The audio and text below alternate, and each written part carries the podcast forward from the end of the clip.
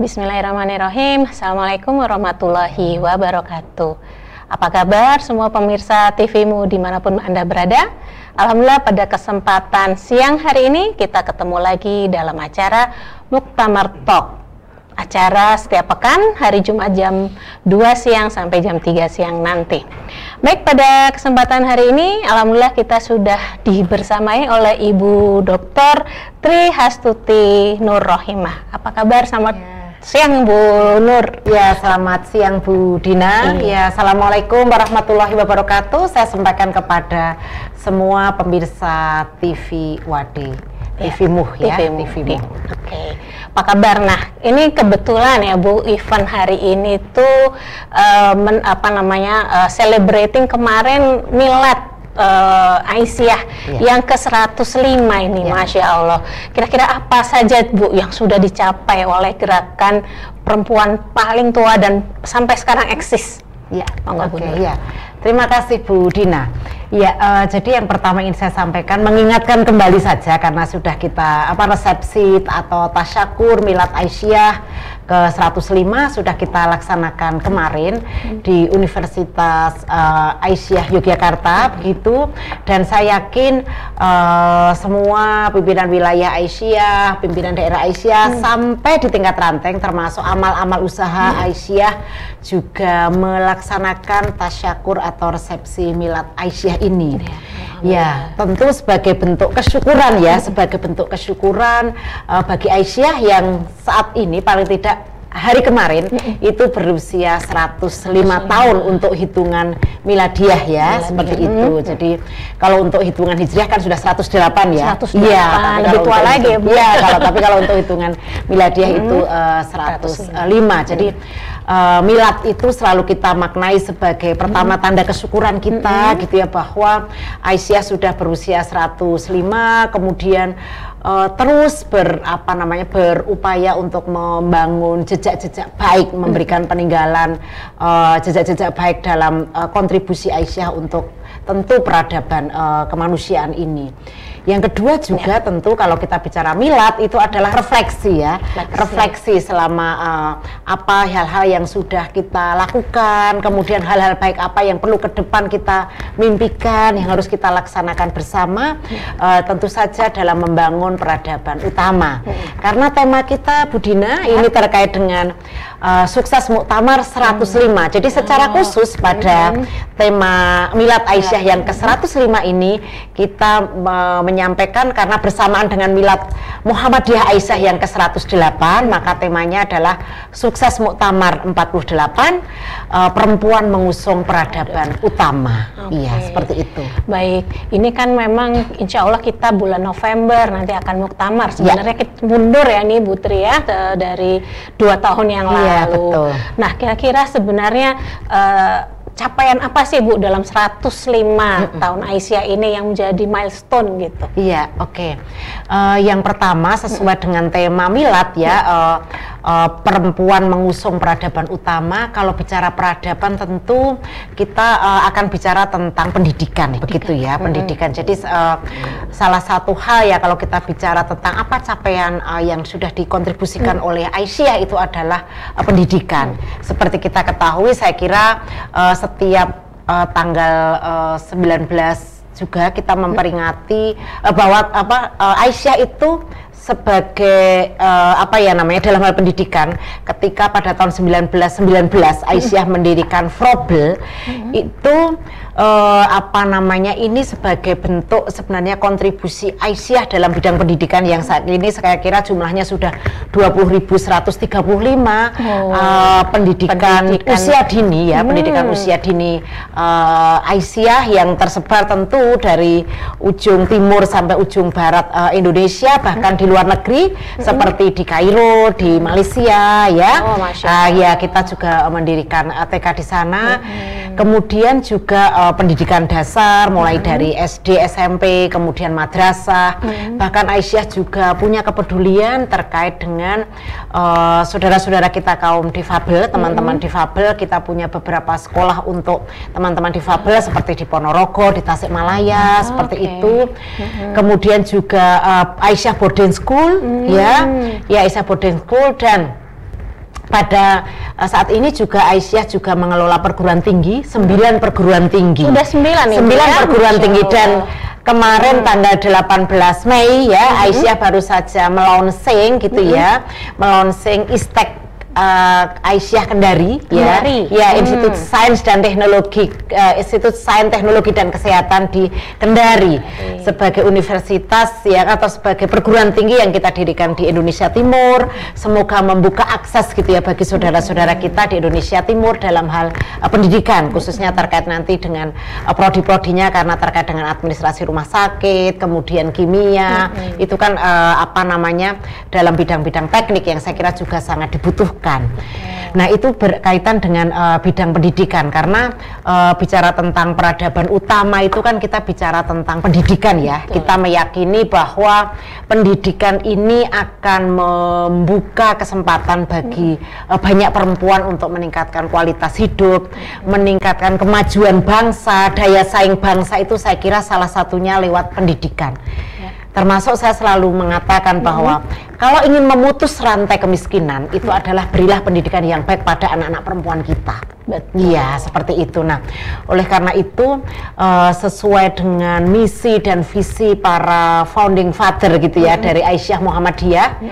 Kiai Haji Ahmad Dahlan dan Nyai Ahmad Dahlan yang kalau kita belajar dari sejarah, -hmm. beliau juga uh, mempunyai uh, apa sudah berpikir yang melampaui zaman. Pada waktu itu ketika mendirikan School of Mahribi hmm. ya kan uh, kemudian juga ada Sopo Tresno hmm. di mana sekolah-sekolah itu diberikan tidak hanya kepada waktu itu saudagar gitu ya okay. tetapi juga saudara-saudara kita kaum buruh hmm. artinya bahwa merasa pendidikan itu untuk semua dan ini juga kita implementasikan sampai saat ini Kemudian juga pendidikan itu juga untuk laki-laki dan perempuan. Mm -hmm. Murid enam murid kayak Haji Ahmad Dahlan. Mm -hmm Nah, murid itu juga perempuan-perempuan yang kemudian menjadi uh, kader-kader pimpinan-pimpinan Aisyah ya. Okay. Depan saya kira ini menjadi sangat penting bahwa pendidikan kita melintas batas baik usia kemudian uh, jenis kelamin maupun status ekonomi.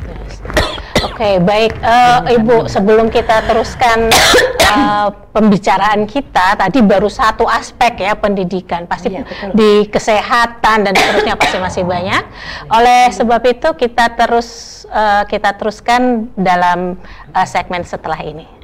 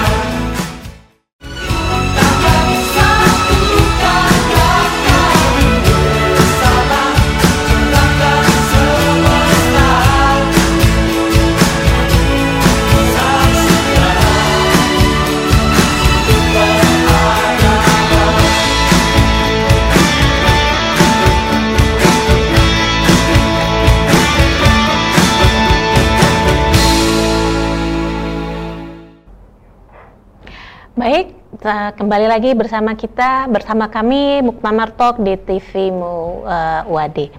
Uh, masih bersama Ibu Dr. Tri Hastuti Nurohimah MSI, Sekretaris Pimpinan Pusat Aisyah. Baik Bu, Bu Nur, saya biasanya panggilnya Mbak Nur ini ya, pemirsa uh, Mbak Nur. Uh, tadi sudah disebutkan keunggulan dari Aisyah di bidang pendidikan. Kayaknya masih banyak deh Bu yang lain. Ya, betul. Ya, uh, ada uh, kalau tadi bicara tentang apa selama 105 tahun ini yang sudah dikontribusikan. Nah, yang pertama uh, tadi dalam bidang pendidikan ya, mungkin ya. tadi kan yang saya ceritakan itu pendidikan formal ya. Formal. Nah, sebenarnya ada pendidikan non formal juga hmm. yang juga sangat uh, masif dilakukan oleh Aisyah, misalnya hmm lewat pendidikan-pendidikan di komunitas ya, okay. mulai keaksaraan fungsional seperti itu. Saya kira hmm. kalau kita bicara pendidikan gitu ya, hmm. bagi Aisyah sebagai sebuah gerakan itu selain pendidikan formal adalah pendidikan non formal ya. Justru ya. ini masih sedikit yang ya, ya. ya. Hmm. Karena uh, apa penting sekali untuk memberikan akses pendidikan pada perempuan-perempuan yang mereka tidak mendapatkan akses pendidikan secara formal. Betul. Nah, yang mungkin saya apa perlu juga saya sampaikan di sini. Seperti misalnya uh, di Taiwan ya di PCIA tentu pada PCIM dan PCIA Taiwan itu teman-teman memiliki PKBM, PKBM. ya pusat belajar masyarakat mm-hmm. uh, yang kelas ABC itu yang mm-hmm. sebenarnya ditujukan kepada siapa? Ditujukan kepada teman-teman kita buruh migran yang ada di sana, okay. sehingga mereka bisa mendapatkan apa ijazah SD, oh. SMP maupun SMA. Itu difasilitasi. Iya, iya. Jadi itu didirikan oleh teman-teman PCIM dan PCIA yang ada di Taiwan. Taiwan. Nah, waktu itu uh, karena uh, apa namanya? Izin juga sudah diberikan oleh kementerian ya, oleh Kementerian Pendidikan seperti itu.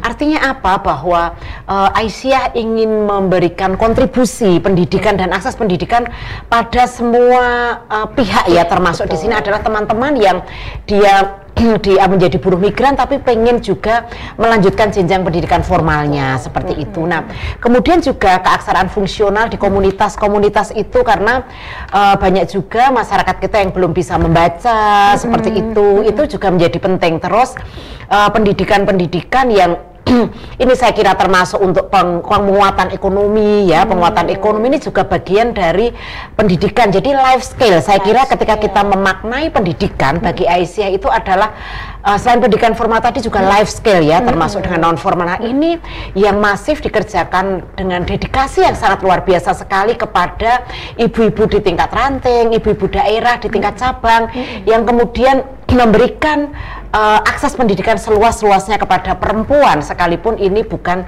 pendidikan formal Betul. tapi menjadi apa hal yang penting untuk kemudian perempuan-perempuan itu bisa uh, apa memiliki kehidupan yang lebih baik ya hmm. seperti itu. Nah mungkin pemirsa sekalian sekaligus ini ingin saya sampaikan Budina hmm. bahwa uh, kemarin bersamaan hmm. dengan Milad Aisyah ke-105 hmm. uh, Aisyah terpilih sebagai salah satu organisasi ya kategori organisasi hmm. itu Women Inspiring ya okay. 2022 oleh Berita Satu dan tidak uh, alhamdulillah ada dua kategori yang di menangkan oleh hmm. Aisyah yang pertama adalah kategori untuk penilaian juri ya hmm. penilaian juri uh, jurinya adalah ada Ibu Susi ada Bu Puji Astuti hmm. ada Kartini Bu Kartini Sahrir hmm. kemudian ada Ibu Rektor ITB, hmm. kemudian juga ada uh, Ketua Komnas Perempuan, kemudian ada Ibu uh, Direktur Pertamina. Hmm. Itu Aisyah menang dalam kategori pendidikan. Yang kedua, terima hmm. kasih kepada semua yang sudah memilih Aisyah uh, pilihan People Choice ya. People Choice, People Choice ya. Tepuk tangan juga oh, ya. Sip, sip, sip. Aisyah diberi kepercayaan hmm. oleh masyarakat hmm. ya. Terima kasih atas kepercayaannya kepada Aisyah uh, dalam bidang pendidikan hmm. ini ya. Hmm. Mohon maaf ini agak panjang berbicara tentang pendidikan Betul. sesuai dengan tema milad kita hmm. ya, uh, bicara tentang perempuan mengusung peradaban utama seperti itu. Hmm. Nah, oke. Okay. Untuk uh, tadi pendidikan uh, non formal ini yeah. memang banyak yang kelewat ya Ibu. Mm, Karena rasanya mungkin pertama dari sisi finance, kami itu suka bertanya-tanya Ibu, yeah. Ibu ini semangatnya dari mana sih gitu. Yeah. Kalau formal mungkin sekolah ada bayar yeah, sekolah, tapi non formal ini kan tidak ada Bu. Terus semangat uh, apa ya kayak eh, BBM-nya itu dari mana Bu? Api semangat mereka untuk tetap bisa menjalankan pendidikan in, non formal ini terutama. Iya, iya. Karena iming-imingnya apa sih iya, ini? Iya, iya. Saya kira juga yang pertama adalah uh, nilai uh, nilai yang dimiliki oleh para penggerak-penggerak Aisyah hmm. karena kan kita semua berbasis volunteerisme ya. Betul, volunteer. Nah, hmm. Iya, volunteer yang hmm. kemudian tapi keyakinan kita sebagai hmm. penggerak-penggerak Aisyah bahwa semua yang kita lakukan, yang dilakukan hmm. oleh uh, semua penggerak-penggerak Aisyah, warga Aisyah ini adalah sebagai nilai ibadah gitu ya, nilai ibadah dan amal soleh. Inilah hmm. yang saya kira uh, menjadi nilai-nilai penggerak bagi kita. Betul. Dan keyakinan saya kira, keyakinan hmm. bagi uh, semua penggerak Aisyah terkait dengan nilai al-maun ya, Betul, bahwa hmm. Aisyah itu uh, ini ya sebagai sebuah gerakan. Hmm. Maka uh, gerakannya itu tidak semata-mata semata berhenti pada pemahaman ideologi, tapi mm juga menjadi sebuah gerakan praksis, gerakan ah. amal mm seperti itu. Nah, inilah saya kira yang mendorong uh, ibu-ibu Aisyah mau ber payah-payah, mau berpeluh-peluh ya, berada di dalam jalan sunyi Betul. untuk membangun peradaban utama hmm. yaitu memberikan akses pendidikan yang sama merata kepada semua masyarakat Iyi, seperti itu. Iya. Dan ya. tentu saja perhatian tadi yang saya garis bawahi juga perhatian kepada masyarakat yang marginal ya Betul ya, sekali yang ya. buruh, yang mereka tidak punya akses, mana sempat sekolah ya. cari uang terus gitu. Betul, betul sekali. Iya, betul sekali. Jadi termasuk pendampingan-pendampingan yang dilakukan hmm. oleh uh, Pak Aisyah kepada kelompok-kelompok tani. Oh, ya. Ini juga bagian dari hmm. sebenarnya menurut saya juga uh, meskipun tidak mungkin tidak masuk pada kategori pendidikan non formal ya, tetapi iya. ini adalah bagian dari edukasi dan ini juga bagian dari upaya-upaya hmm untuk meningkatkan kualitas hidup masyarakat khususnya perempuan di sini ya. Oke, baik. Baik. Nah, tadi menyinggung sedikit kualitas hidup ekonomi tadi. Iya. Mungkin ap apa ini capaian-capaian Aisyah ya. yang menjadi milestone? Oke, okay, baik ya. Tadi baru pendidikan baru ya, pendidikan. itu sudah banyak sekali. Mungkin ya. Uh, selain itu saya kira juga ekonomi Betul. gitu ya. Nanti ekonomi mungkin saya akan bicara juga bicara tentang kesehatan. Iya. Mm -hmm. Uh, bicara tentang ekonomi, saya kira juga uh, kita perlu memberikan apresiasi yang sering kali kan merefleksi itu tidak apa-apa ya mm. kalau kita bukan riak ya, bukan Betul. berbangga, tapi iya. me mencatat milestone atau iya, itu kan bagian kesyukuran bagian dari kesyukuran Betul. kita ya ibu iya. sekalian. Ini penting ya, tapi ini bukan riak ya, gitu ya. Uh, saya kira uh, Aisyah mengembangkan pemberdayaan ekonomi lewat Bu Eka ya, Eka lewat Bu Eka ya, ya Bu hmm. Eka.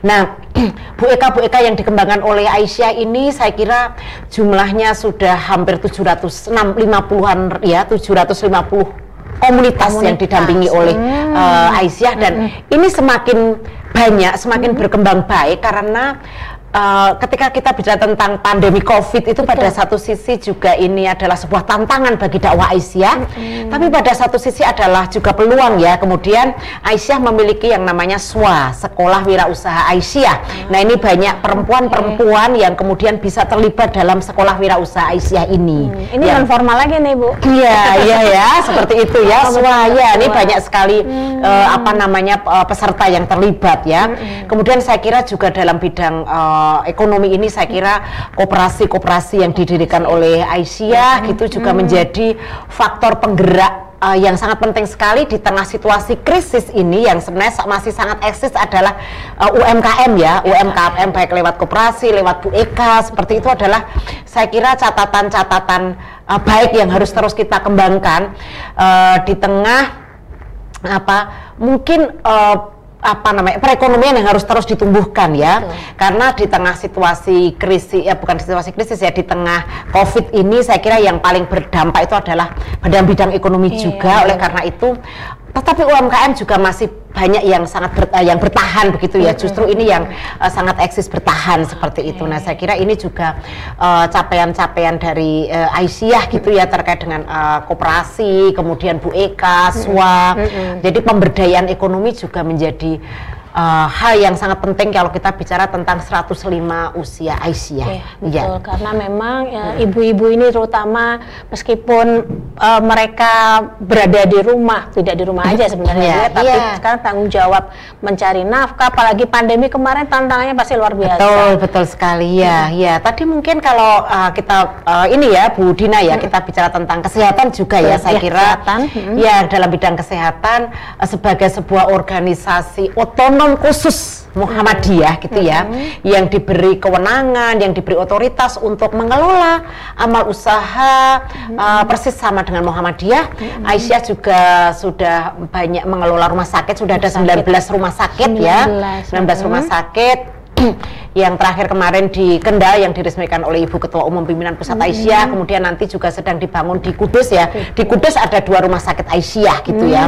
Saya kira banyak sekali apa ada 19 rumah sakit Aisyah, kemudian ada uh, 88 gitu ya uh, klinik-klinik Aisyah yang tersebar tentu dari di Papua juga ada, kemudian di Medan, di Sumatera Barat, uh, tentu di Jawa Timur, Jawa Barat, Jawa Tengah, di IY seperti itu juga banyak klinik-klinik Aisyah. Ini sebagai sebagai bentuk wujud dari bahwa dakwah Aisyah itu adalah dakwah yang uh, apa sekali lagi selain lisan juga kita melakukan tindakan uh, praksis ya, amal seperti itu. Jadi dalam bidang tentu selain itu juga uh, isu-isu kesehatan itu uh, kita selain amal usaha itu juga edukasi masif dilakukan Nah. untuk isu-isu kesehatan ya. Betul, apalagi kesehatan perempuan Iya, Bu. betul. Jadi uh, Aisyah kalau misalnya kemarin isu uh, IFA ya IFA Pap smear ya karena Ah. kan sekarang uh, kanker serviks, kanker payudara itu juga menjadi uh, pembunuh perempuan nomor dua gitu ya. Maka kemudian Aisyah dengan sangat gencar melakukan edukasi kepada perempuan-perempuan untuk me- ma- uh, bersedia untuk melakukan tes IFA dan Pap smear secara dini agar terhindar dari kanker serviks dan kanker payudara. Ini juga bagian dari uh, edukasi, kesehatan ya karena ini uh, Alhamdulillah Aisyah itu kan salah satu karakter Aisyah kan bergerak di komunitas. Nah, oleh karena itu edukasi-edukasi di tingkat komunitas yang sering kali belum terjangkau ini dilakukan oleh Aisyah. Ya edukasi untuk kesehatan reproduksi, kemudian untuk isu stunting yang saat ini juga masih menjadi Betul. PR besar di Indonesia gitu ya. Edukasi tentang stunting dengan menggunakan pendekatan-pendekatan agama ini juga uh, menjadi hal-hal yang penting dalam bidang uh, kesehatan. kesehatan. Nah, mungkin catatan penting juga di usia 105 tahun dalam bidang hukum ya. Hukum. Dalam bidang hukum terutama eh, Aisyah sudah mengelola tuh 31 pos bakum ya. Oke. Pos bantuan hukum ya di Majelis Hukum dan HAM. Seperti itu jadi melakukan pendampingan-pendampingan secara pro bono juga ya, pro bono. Bahkan eh, kalau saya tahu misalnya eh, di Jawa Tengah itu setiap tahunnya itu hampir 700 yang didampingi oleh teman-teman posbagum seperti itu. Jadi memang luar biasa sekali mulai dari isu-isu KDRT, isu-isu kekerasan seksual. Iya, eh, kita tidak hanya bicara tapi kita bekerja. Betul, wah banyak sekali sampai ke hukum. Ini memang biasanya masalah krusial ya, Bu Mm-mm, Putri ya, karena biasanya orang perempuan apalagi nih kalau kena pelecehan atau Iya, hal-hal yang semacam itu nggak iya. berani lapor, Iya, malah kadang-kadang malah balik lagi ke dia Iya, yang jadi betul, iya, masalah dan iya, seterusnya. iya. Eh, baik, mungkin waktunya kita break dulu ya, Iya, eh, oke. biar Put- Putri bisa minum lagi. Eh, baik, eh, pemirsa TVmu yang di mana pun kalian beranda berada, eh, waktu Muktamar Talk akan segera kembali setelah pesan berikut ini.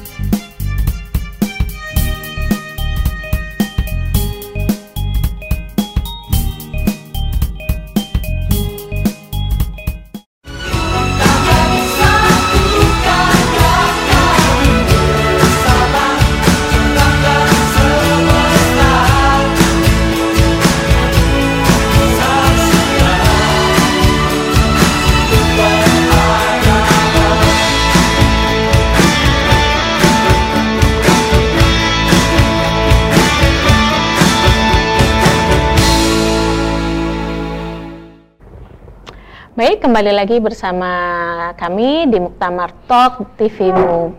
Uh, melanjutkan masih bersama Ibu Dr. Tri Hastuti Nur Rohimah, MSI, uh, Sekretaris PP Aisyah. Uh, kita lanjutkan Ibu, ya. tadi kita sudah membahas milestone atau capaian-capaian 105 tahun uh, Aisyah di bidang pendidikan, uh, ekonomi, kesehatan, hukum, bahkan sampai ke hukum, uh, perlindungan hukum. Nah, apalagi nih Bu milestone-nya? Ya, oke. Okay. ya, tadi selain hukum ya, tadi ya. karena uh, kita uh, bicara tentang misalnya tentang per, apa Aisyah terus merespon terjadinya kasus-kasus mm-hmm. uh, kekerasan apa seksual mm-hmm. seperti itu ya dengan posbakum posbakum dan tentu juga uh, para lega ya karena mm-hmm. sebenarnya saat ini yang juga sering kali kurang di dalam pendampingan hukum itu adalah kurang SDM yaitu para legal. Nah, mm-hmm. Majelis Hukum dan HAM mm-hmm. juga uh, terus melakukan pelatihan-pelatihan secara masif kepada pimpinan uh, di tingkat daerah dan wilayah mm-hmm. untuk meng, meng, apa, menghasilkan ya atau menciptakan kader-kader para legal ini yang kemudian bisa menjadi pendamping-pendamping dan menjadi konselor-konselor untuk terjadinya kasus-kasus uh, kekerasan seksual terhadap perempuan, kasus-kasus KDRT, KDRT seperti ini karena okay. memang dari sisi jumlah masih cukup banyak ya karena memang isu-isu KDRT maupun kekerasan seksual itu adalah seperti fenomena gunung es gitu. Mm -hmm. Nah, hal yang lain yang saya kira uh, menjadi catatan penting yang bu, kalau Bu Dina sampaikan. Milestone tadi hmm. mungkin juga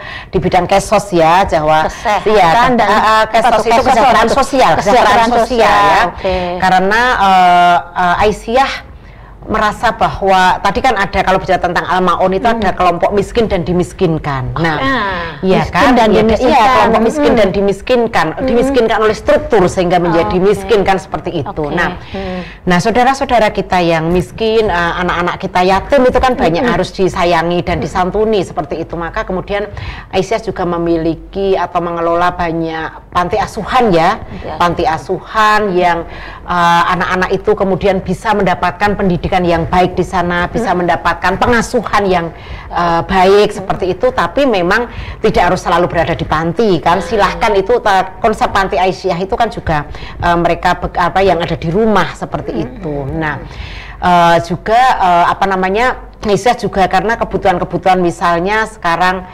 pramurukti, kemudian perawatan jenazah itu juga okay. menguatkan apa ya kerja-kerja Aisyah di tingkat komunitas ya, Betul. ya sering kali kan kebutuhan yang di tingkat komunitas itu siapa kelompok perawatan jenazah Betul. misalnya seperti itu itu juga menjadi kebutuhan Aisyah biasanya yang pada takut itu bu biasanya ya. yang tidak sepuh-sepuh itu ya, yang berani ya. Ya. nah ini Aisyah juga menyediakan hmm. apa namanya layanan gitu ya layanan uh, kepada kelompok-kelompok masyarakat yang membutuhkan untuk perawatan Perawat jenazah Aisyah punya banyak kelompok-kelompok uh, perawatan jenazah hmm. seperti hmm. itu termasuk tadi saya bilang sampaikan tadi ya ya Bu Dina terkait dengan uh, panti-panti uh, asuhan hmm. kita seperti itu. Nah, Uh, saya kira ini beberapa hal ya yang catatan-catatan penting tentu kita juga terus mem, apa namanya mencetak kader-kader persyarikatan yang memiliki pandangan yang sangat progresif ya Islam wasatiyah, Islam berkemajuan misalnya seperti itu juga uh, kader-kader Aisyah terus dikembangkan untuk menjawab tantangan zaman. Betul. Terutama ini ya Budina hmm. perkembangan teknologi ini juga Wah, menjadi betul, salah betul. satu tantangan hmm. tersendiri dalam uh, dakwah Aisyah ya baik dari sisi apa uh, dakwah kepada masyarakat maupun dalam untuk menguatkan uh, kelembagaan Aisyah seperti iya, itu betul. ya. Nah, uh, kita lihat kita sedikit flashback ya Bu hmm. ya. pandemi dua tahun terakhir ini hmm. meskipun kayaknya sekarang sudah pada mulai lupa ada corona ini di jalan-jalan sudah mulai hmm. prokesnya longgar. Um, tapi gini Bu, uh, pasti kan uh, kemarin sempat terdampak sekali apalagi saya sempat dengar uh, TK, sekolah-sekolah pada tidak masuk, orang tua tidak hmm. secara ekonomi juga uh, mengalami penurunan sehingga kemudian akhirnya uh, dampak ekonomi luar biasa pandemi ini. Kemudian tantangan berikutnya adalah tadi teknologi. Tiba-tiba hmm. uh, kita semua harus di rumah online. Nah, hmm. itu kan tidak semua gurunya bisa uh, apa uh, online dan seterusnya. Ini bagaimana Aisyah menghadapi kedua tantangan berat uh, dua tahun terakhir ini, Bu? Ya, ya, ya. Uh, pertama kalau bicara tentang uh, perempuan dan teknologi ya, tadi uh, saya kira uh, ke kebijakan Aisyah kemarin di dalam uh, pendid apa namanya mengelola pendidikan misalnya termasuk di PAUD gitu ya. Kan memang kemarin masih berada di rumah gitu ya berada di rumah. Kemudian ada yang sebagian kalau sekarang mungkin sudah beberapa sudah bisa sekolah di ini ya gitu. Nah makanya kemudian beberapa itu ada yang kunjungan ke rumah seperti itu ya.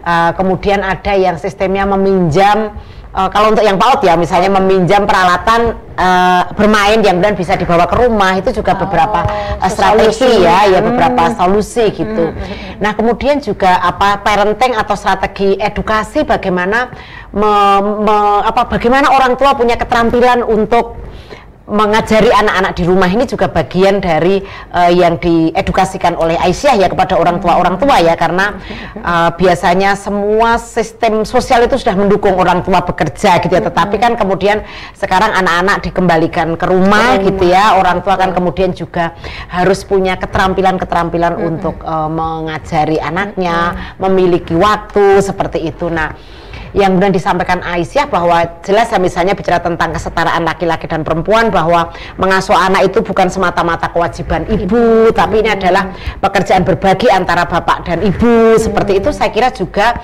uh, apa namanya pendekatan-pendekatan yang kita lakukan yang dan kita sampaikan kepada masyarakat. Jadi beban pengasuhan itu tidak semata-mata kepada perempuan, tapi berbagi antara uh, ibu dan uh, bapak. bapak. Di, di samping itu juga pekerjaan-pekerjaan rumah tangga itu hmm. saya kira juga pekerjaan-pekerjaan yang dibagi ya yeah. antara suami dan istri. Kalau kemudian memang tidak bisa dialihkan kepada uh, pekerja rumah tangga kan hmm. seperti itu. Nah, ini juga menjadi bagian dari uh, apa edukasi untuk nilai ideologi kita bahwa hmm. sebenarnya pekerjaan-pekerjaan uh, di dalam rumah, pengasuhan pengasuhan anak itu adalah pekerjaan-pekerjaan yang bisa dikerjakan bersama, hmm. bukan semata-mata menjadi kewajiban atau tanggung jawab perempuan. Ini juga uh, salah satu yang kemudian kita sampaikan gitu ya bahwa uh, mengurai ya mengurai kekusutan dampak dari COVID bagaimana mengelola pengasuhan di dalam rumah tangga itu salah Justru satunya itu malah itu. menjadi peluang ya ibu hmm. ya itu edukasi yang luar biasa karena bapak ibu di rumah semua kan yeah,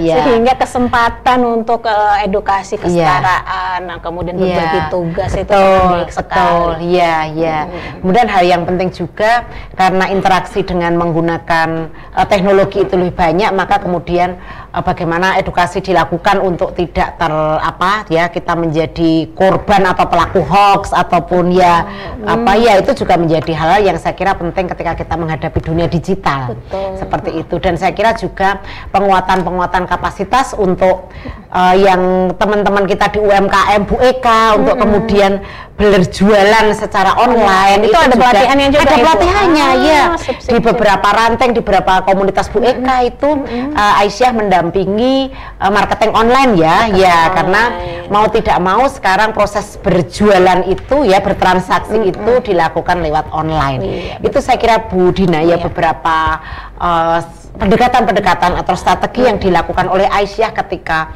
uh, merespon ya merespon uh, situasi Covid dan juga uh, tantangan dampak digital seperti ini itu ya.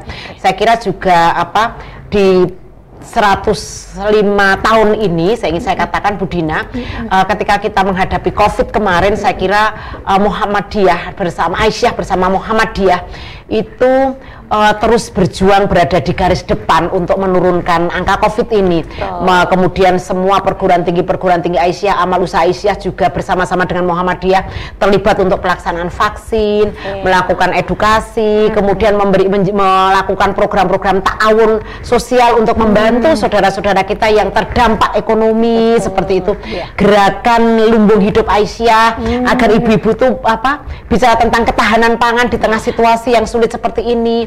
Nah itu beberapa hal yang dilakukan oleh Aisyah ya dan uh, Muhammadiyah uh, terkait dengan ini di usia 105 ini apa sih yang kita lakukan ketika kita kemarin uh, merespon uh, hmm. COVID-19 saya kira itu. Ya, satu hal yang menarik ya Bu Putri bahwa uh, responnya itu solutif gitu. Ya. Saya saya senang sekali dengan lumbung hidupnya itu ya yang pakai ember ya, uh, ya. salah satunya ya bertani lele atau bikin apa itu kangkung segala ya, macam ya. itu uh, hebat banget itu. Saya senang hmm, banget ya, itu. Hampir ya. semua tetangga juga bikin Iya betul. Gerakan lumbung hidup IC Aisyah iya. ya. Mm -hmm. sangat solutif. Iya. Ya, nah satu lagi Ibu tantangan kaderisasi nih Ibu karena sudah memasuki eh, apa 100 tahun kedua, kemudian tadi semua dunia ini sudah berubah semua Hmm, iya, betul. seperti itu dan kayaknya emang sudah naluri Aisyah untuk menyesuaikan zaman ya.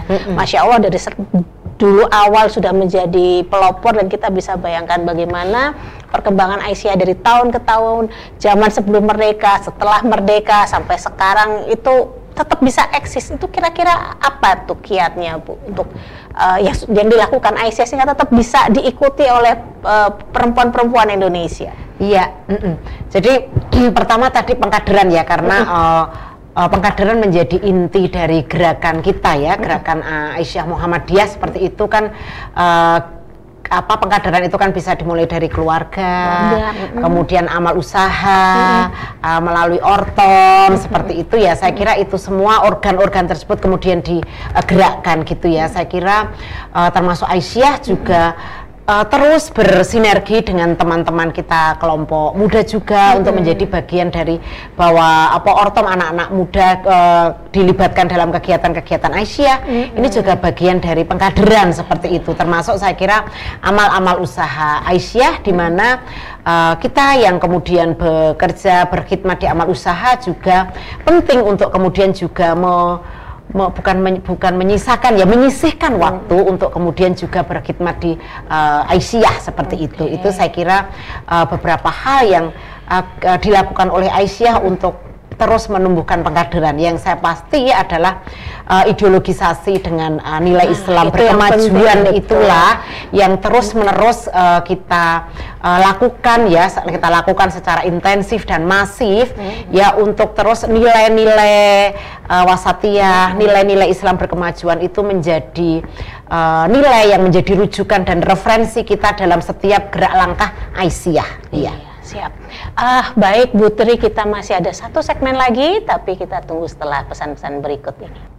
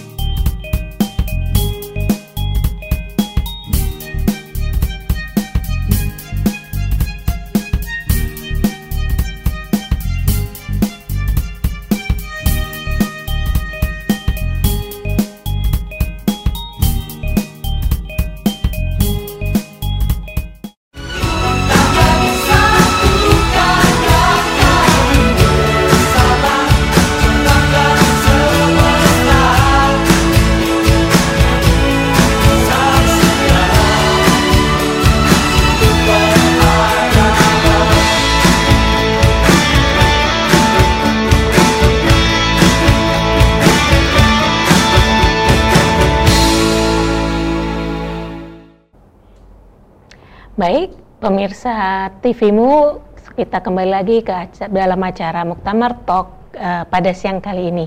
Masih bersama uh, Ibu Sekretaris Pimpinan Pusat Aisyah, Ibu Dr. Tri Hastuti Nurrohimah, MSI. Nah, Bu, se uh, segmen terakhir kita tentang Muktamar nih. Bagaimana nih persiapan Muktamar Aisyah uh, insya Allah nanti bulan November? Iya. Uh, per, terkait dengan persiapan Muktamar Aisyah karena hmm. uh, apa namanya muktamar ini bersamaan dengan muktamar Muhammadiyah hmm. tentu persiapan kita juga akan uh, semuanya bersinergi ya semuanya bersinergi mulai dari pendaftaran hmm. ya kan mulai dari pendaftaran uh, kemudian nanti sampai pada pelaksanaan terkait dengan akomodasi pelaksanaan tempat yang semuanya akan berpusat di Universitas Muhammadiyah Surakarta, ya. ya kalau uh, muktamar Muhammadiyah dilaksanakan di Edutorium hmm. maka kemudian uh, muktamar Aisyah akan ada di Gor UMS gitu yang lokasinya juga tidak jauh di hmm. situ. Hmm.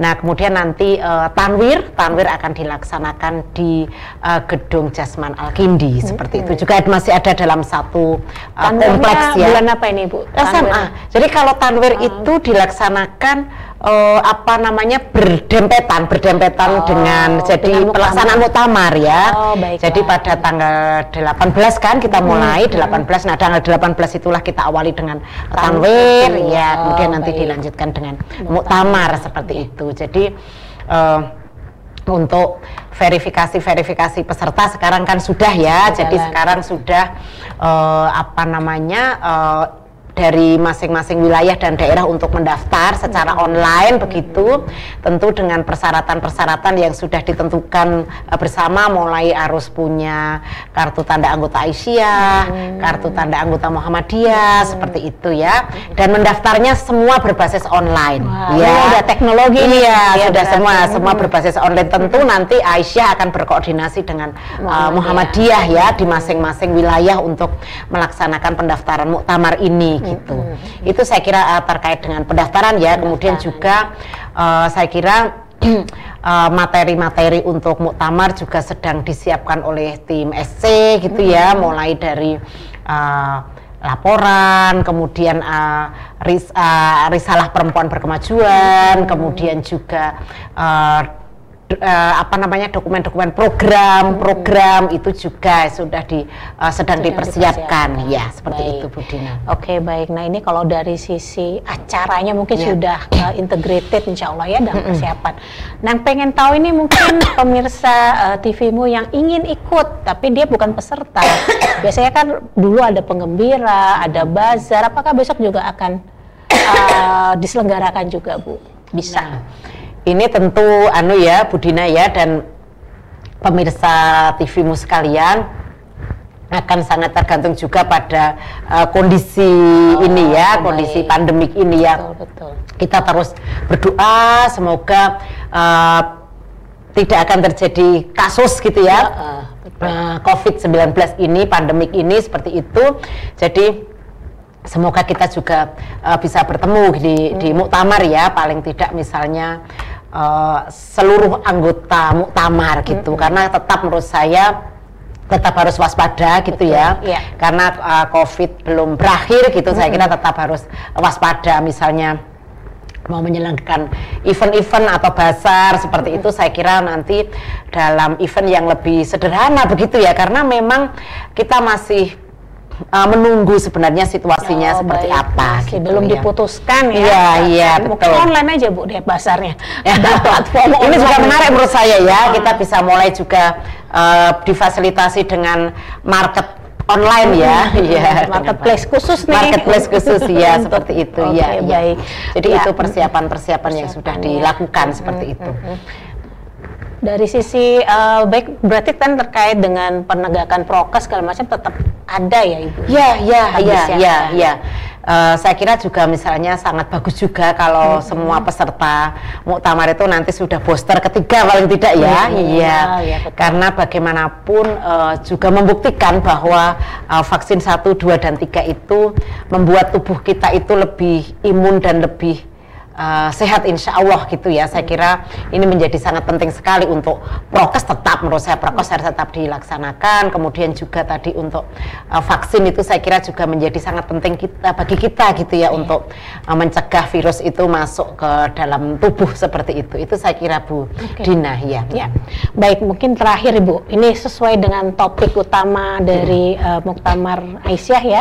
Perempuan mengusung peradaban utama. Nah, kira-kira jangkauan jangkauan lima tahun ke depan nih pasca muktamar peradaban utama seperti apa nih yang uh, harus disiapkan oleh perempuan-perempuan Indonesia? Iya, iya, iya.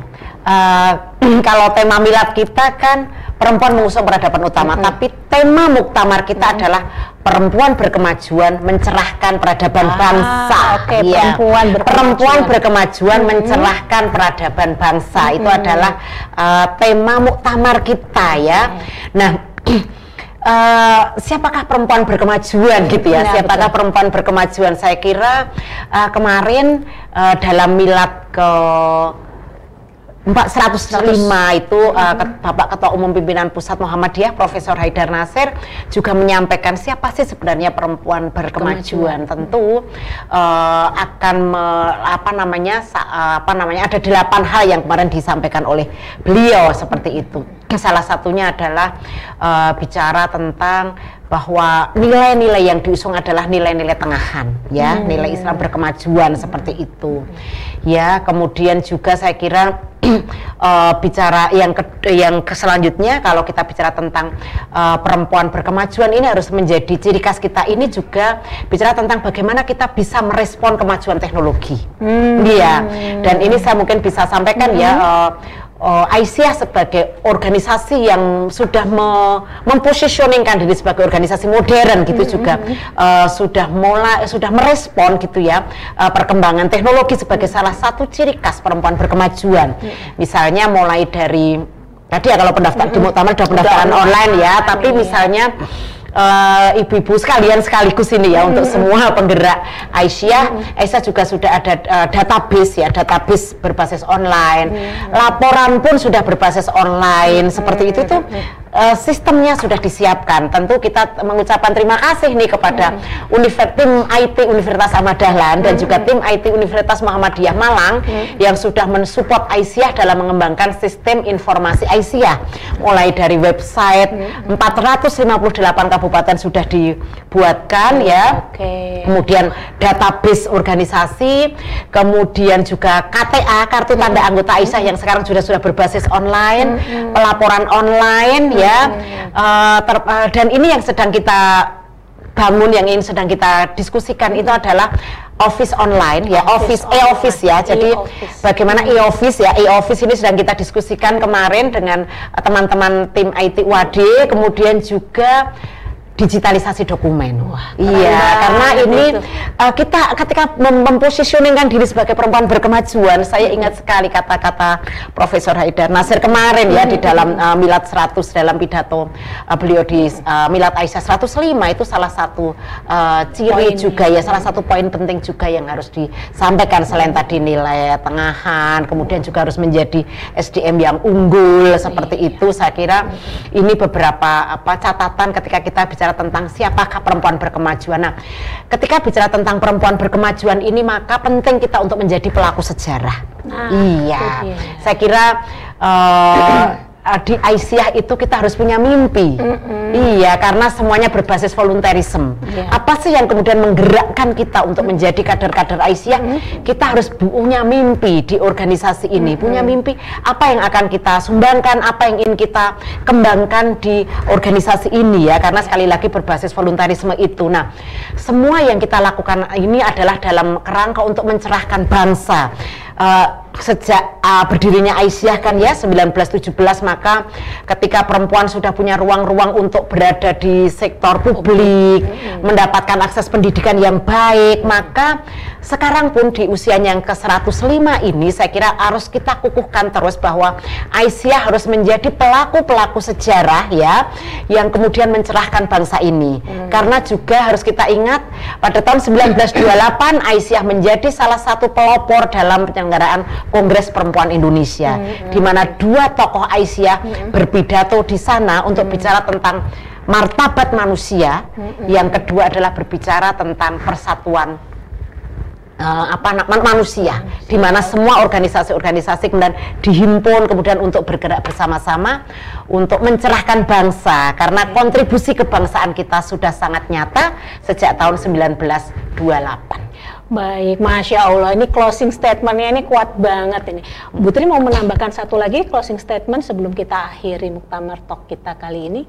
Yang saya catat banget tuh punya mimpi. Iya, iya. Kita betul. mau ke mana kok nggak punya mimpi? Iya betul, iya. Ya. Jadi uh, apa ber Aisyah itu selain menggembirakan ya karena hmm. sekali lagi basisnya itu adalah karena volunteerisme maka sekali lagi eh, saya mungkin hanya perlu menegaskan tadi hmm. punya mimpi dan mimpi. menyisakan uh, waktu ya, bukan menyisihkan sekali lagi. Seperti itu bagi uh, dan salam takzim saya tentu saja untuk para uh, senior senior kita yang sudah meninggalkan jejak-jejak baik dan kita bisa meneladani uh, apa para kader-kader atau senior senior di Aisyah yang sudah uh, apa namanya memberikan contoh yang baik bagi kita semua seperti itu. Dan saya kira kita sebagai uh, generasi saat ini perlu untuk mengawal dan meneruskan perjuangan dengan uh, tokoh-tokoh Aisyah yang sudah berjuang sejak tahun 1928. Jadi uh, catatan yang kedua begini saya kira kita harus menjadi uh, kader-kader Aisyah harus menjadi pelaku sejarah baik di organisasi, di masyarakat, di bangsa bahkan di tingkat internasional. Ya. Dan untuk bisa menjadi pelaku sejarah artinya hmm. kita harus menjadi yang terbaik ya apa pun yang kita lakukan. Ya. Baik terima kasih sekali Bu Putri atas sharingnya, masya Allah banyak banget ya uh, yang kita dapatkan pada pertemuan kita satu jam ini bersama Sekretaris uh, Pimpinan Pusat Aisyah. Demikian uh, pemirsa TVmu di mana pun anda berada uh, sampai bertemu kembali dalam Muktamar Talk selanjutnya. Kita tutup dengan salam. Assalamualaikum warahmatullahi wabarakatuh. Ya, Assalamualaikum warahmatullahi wabarakatuh.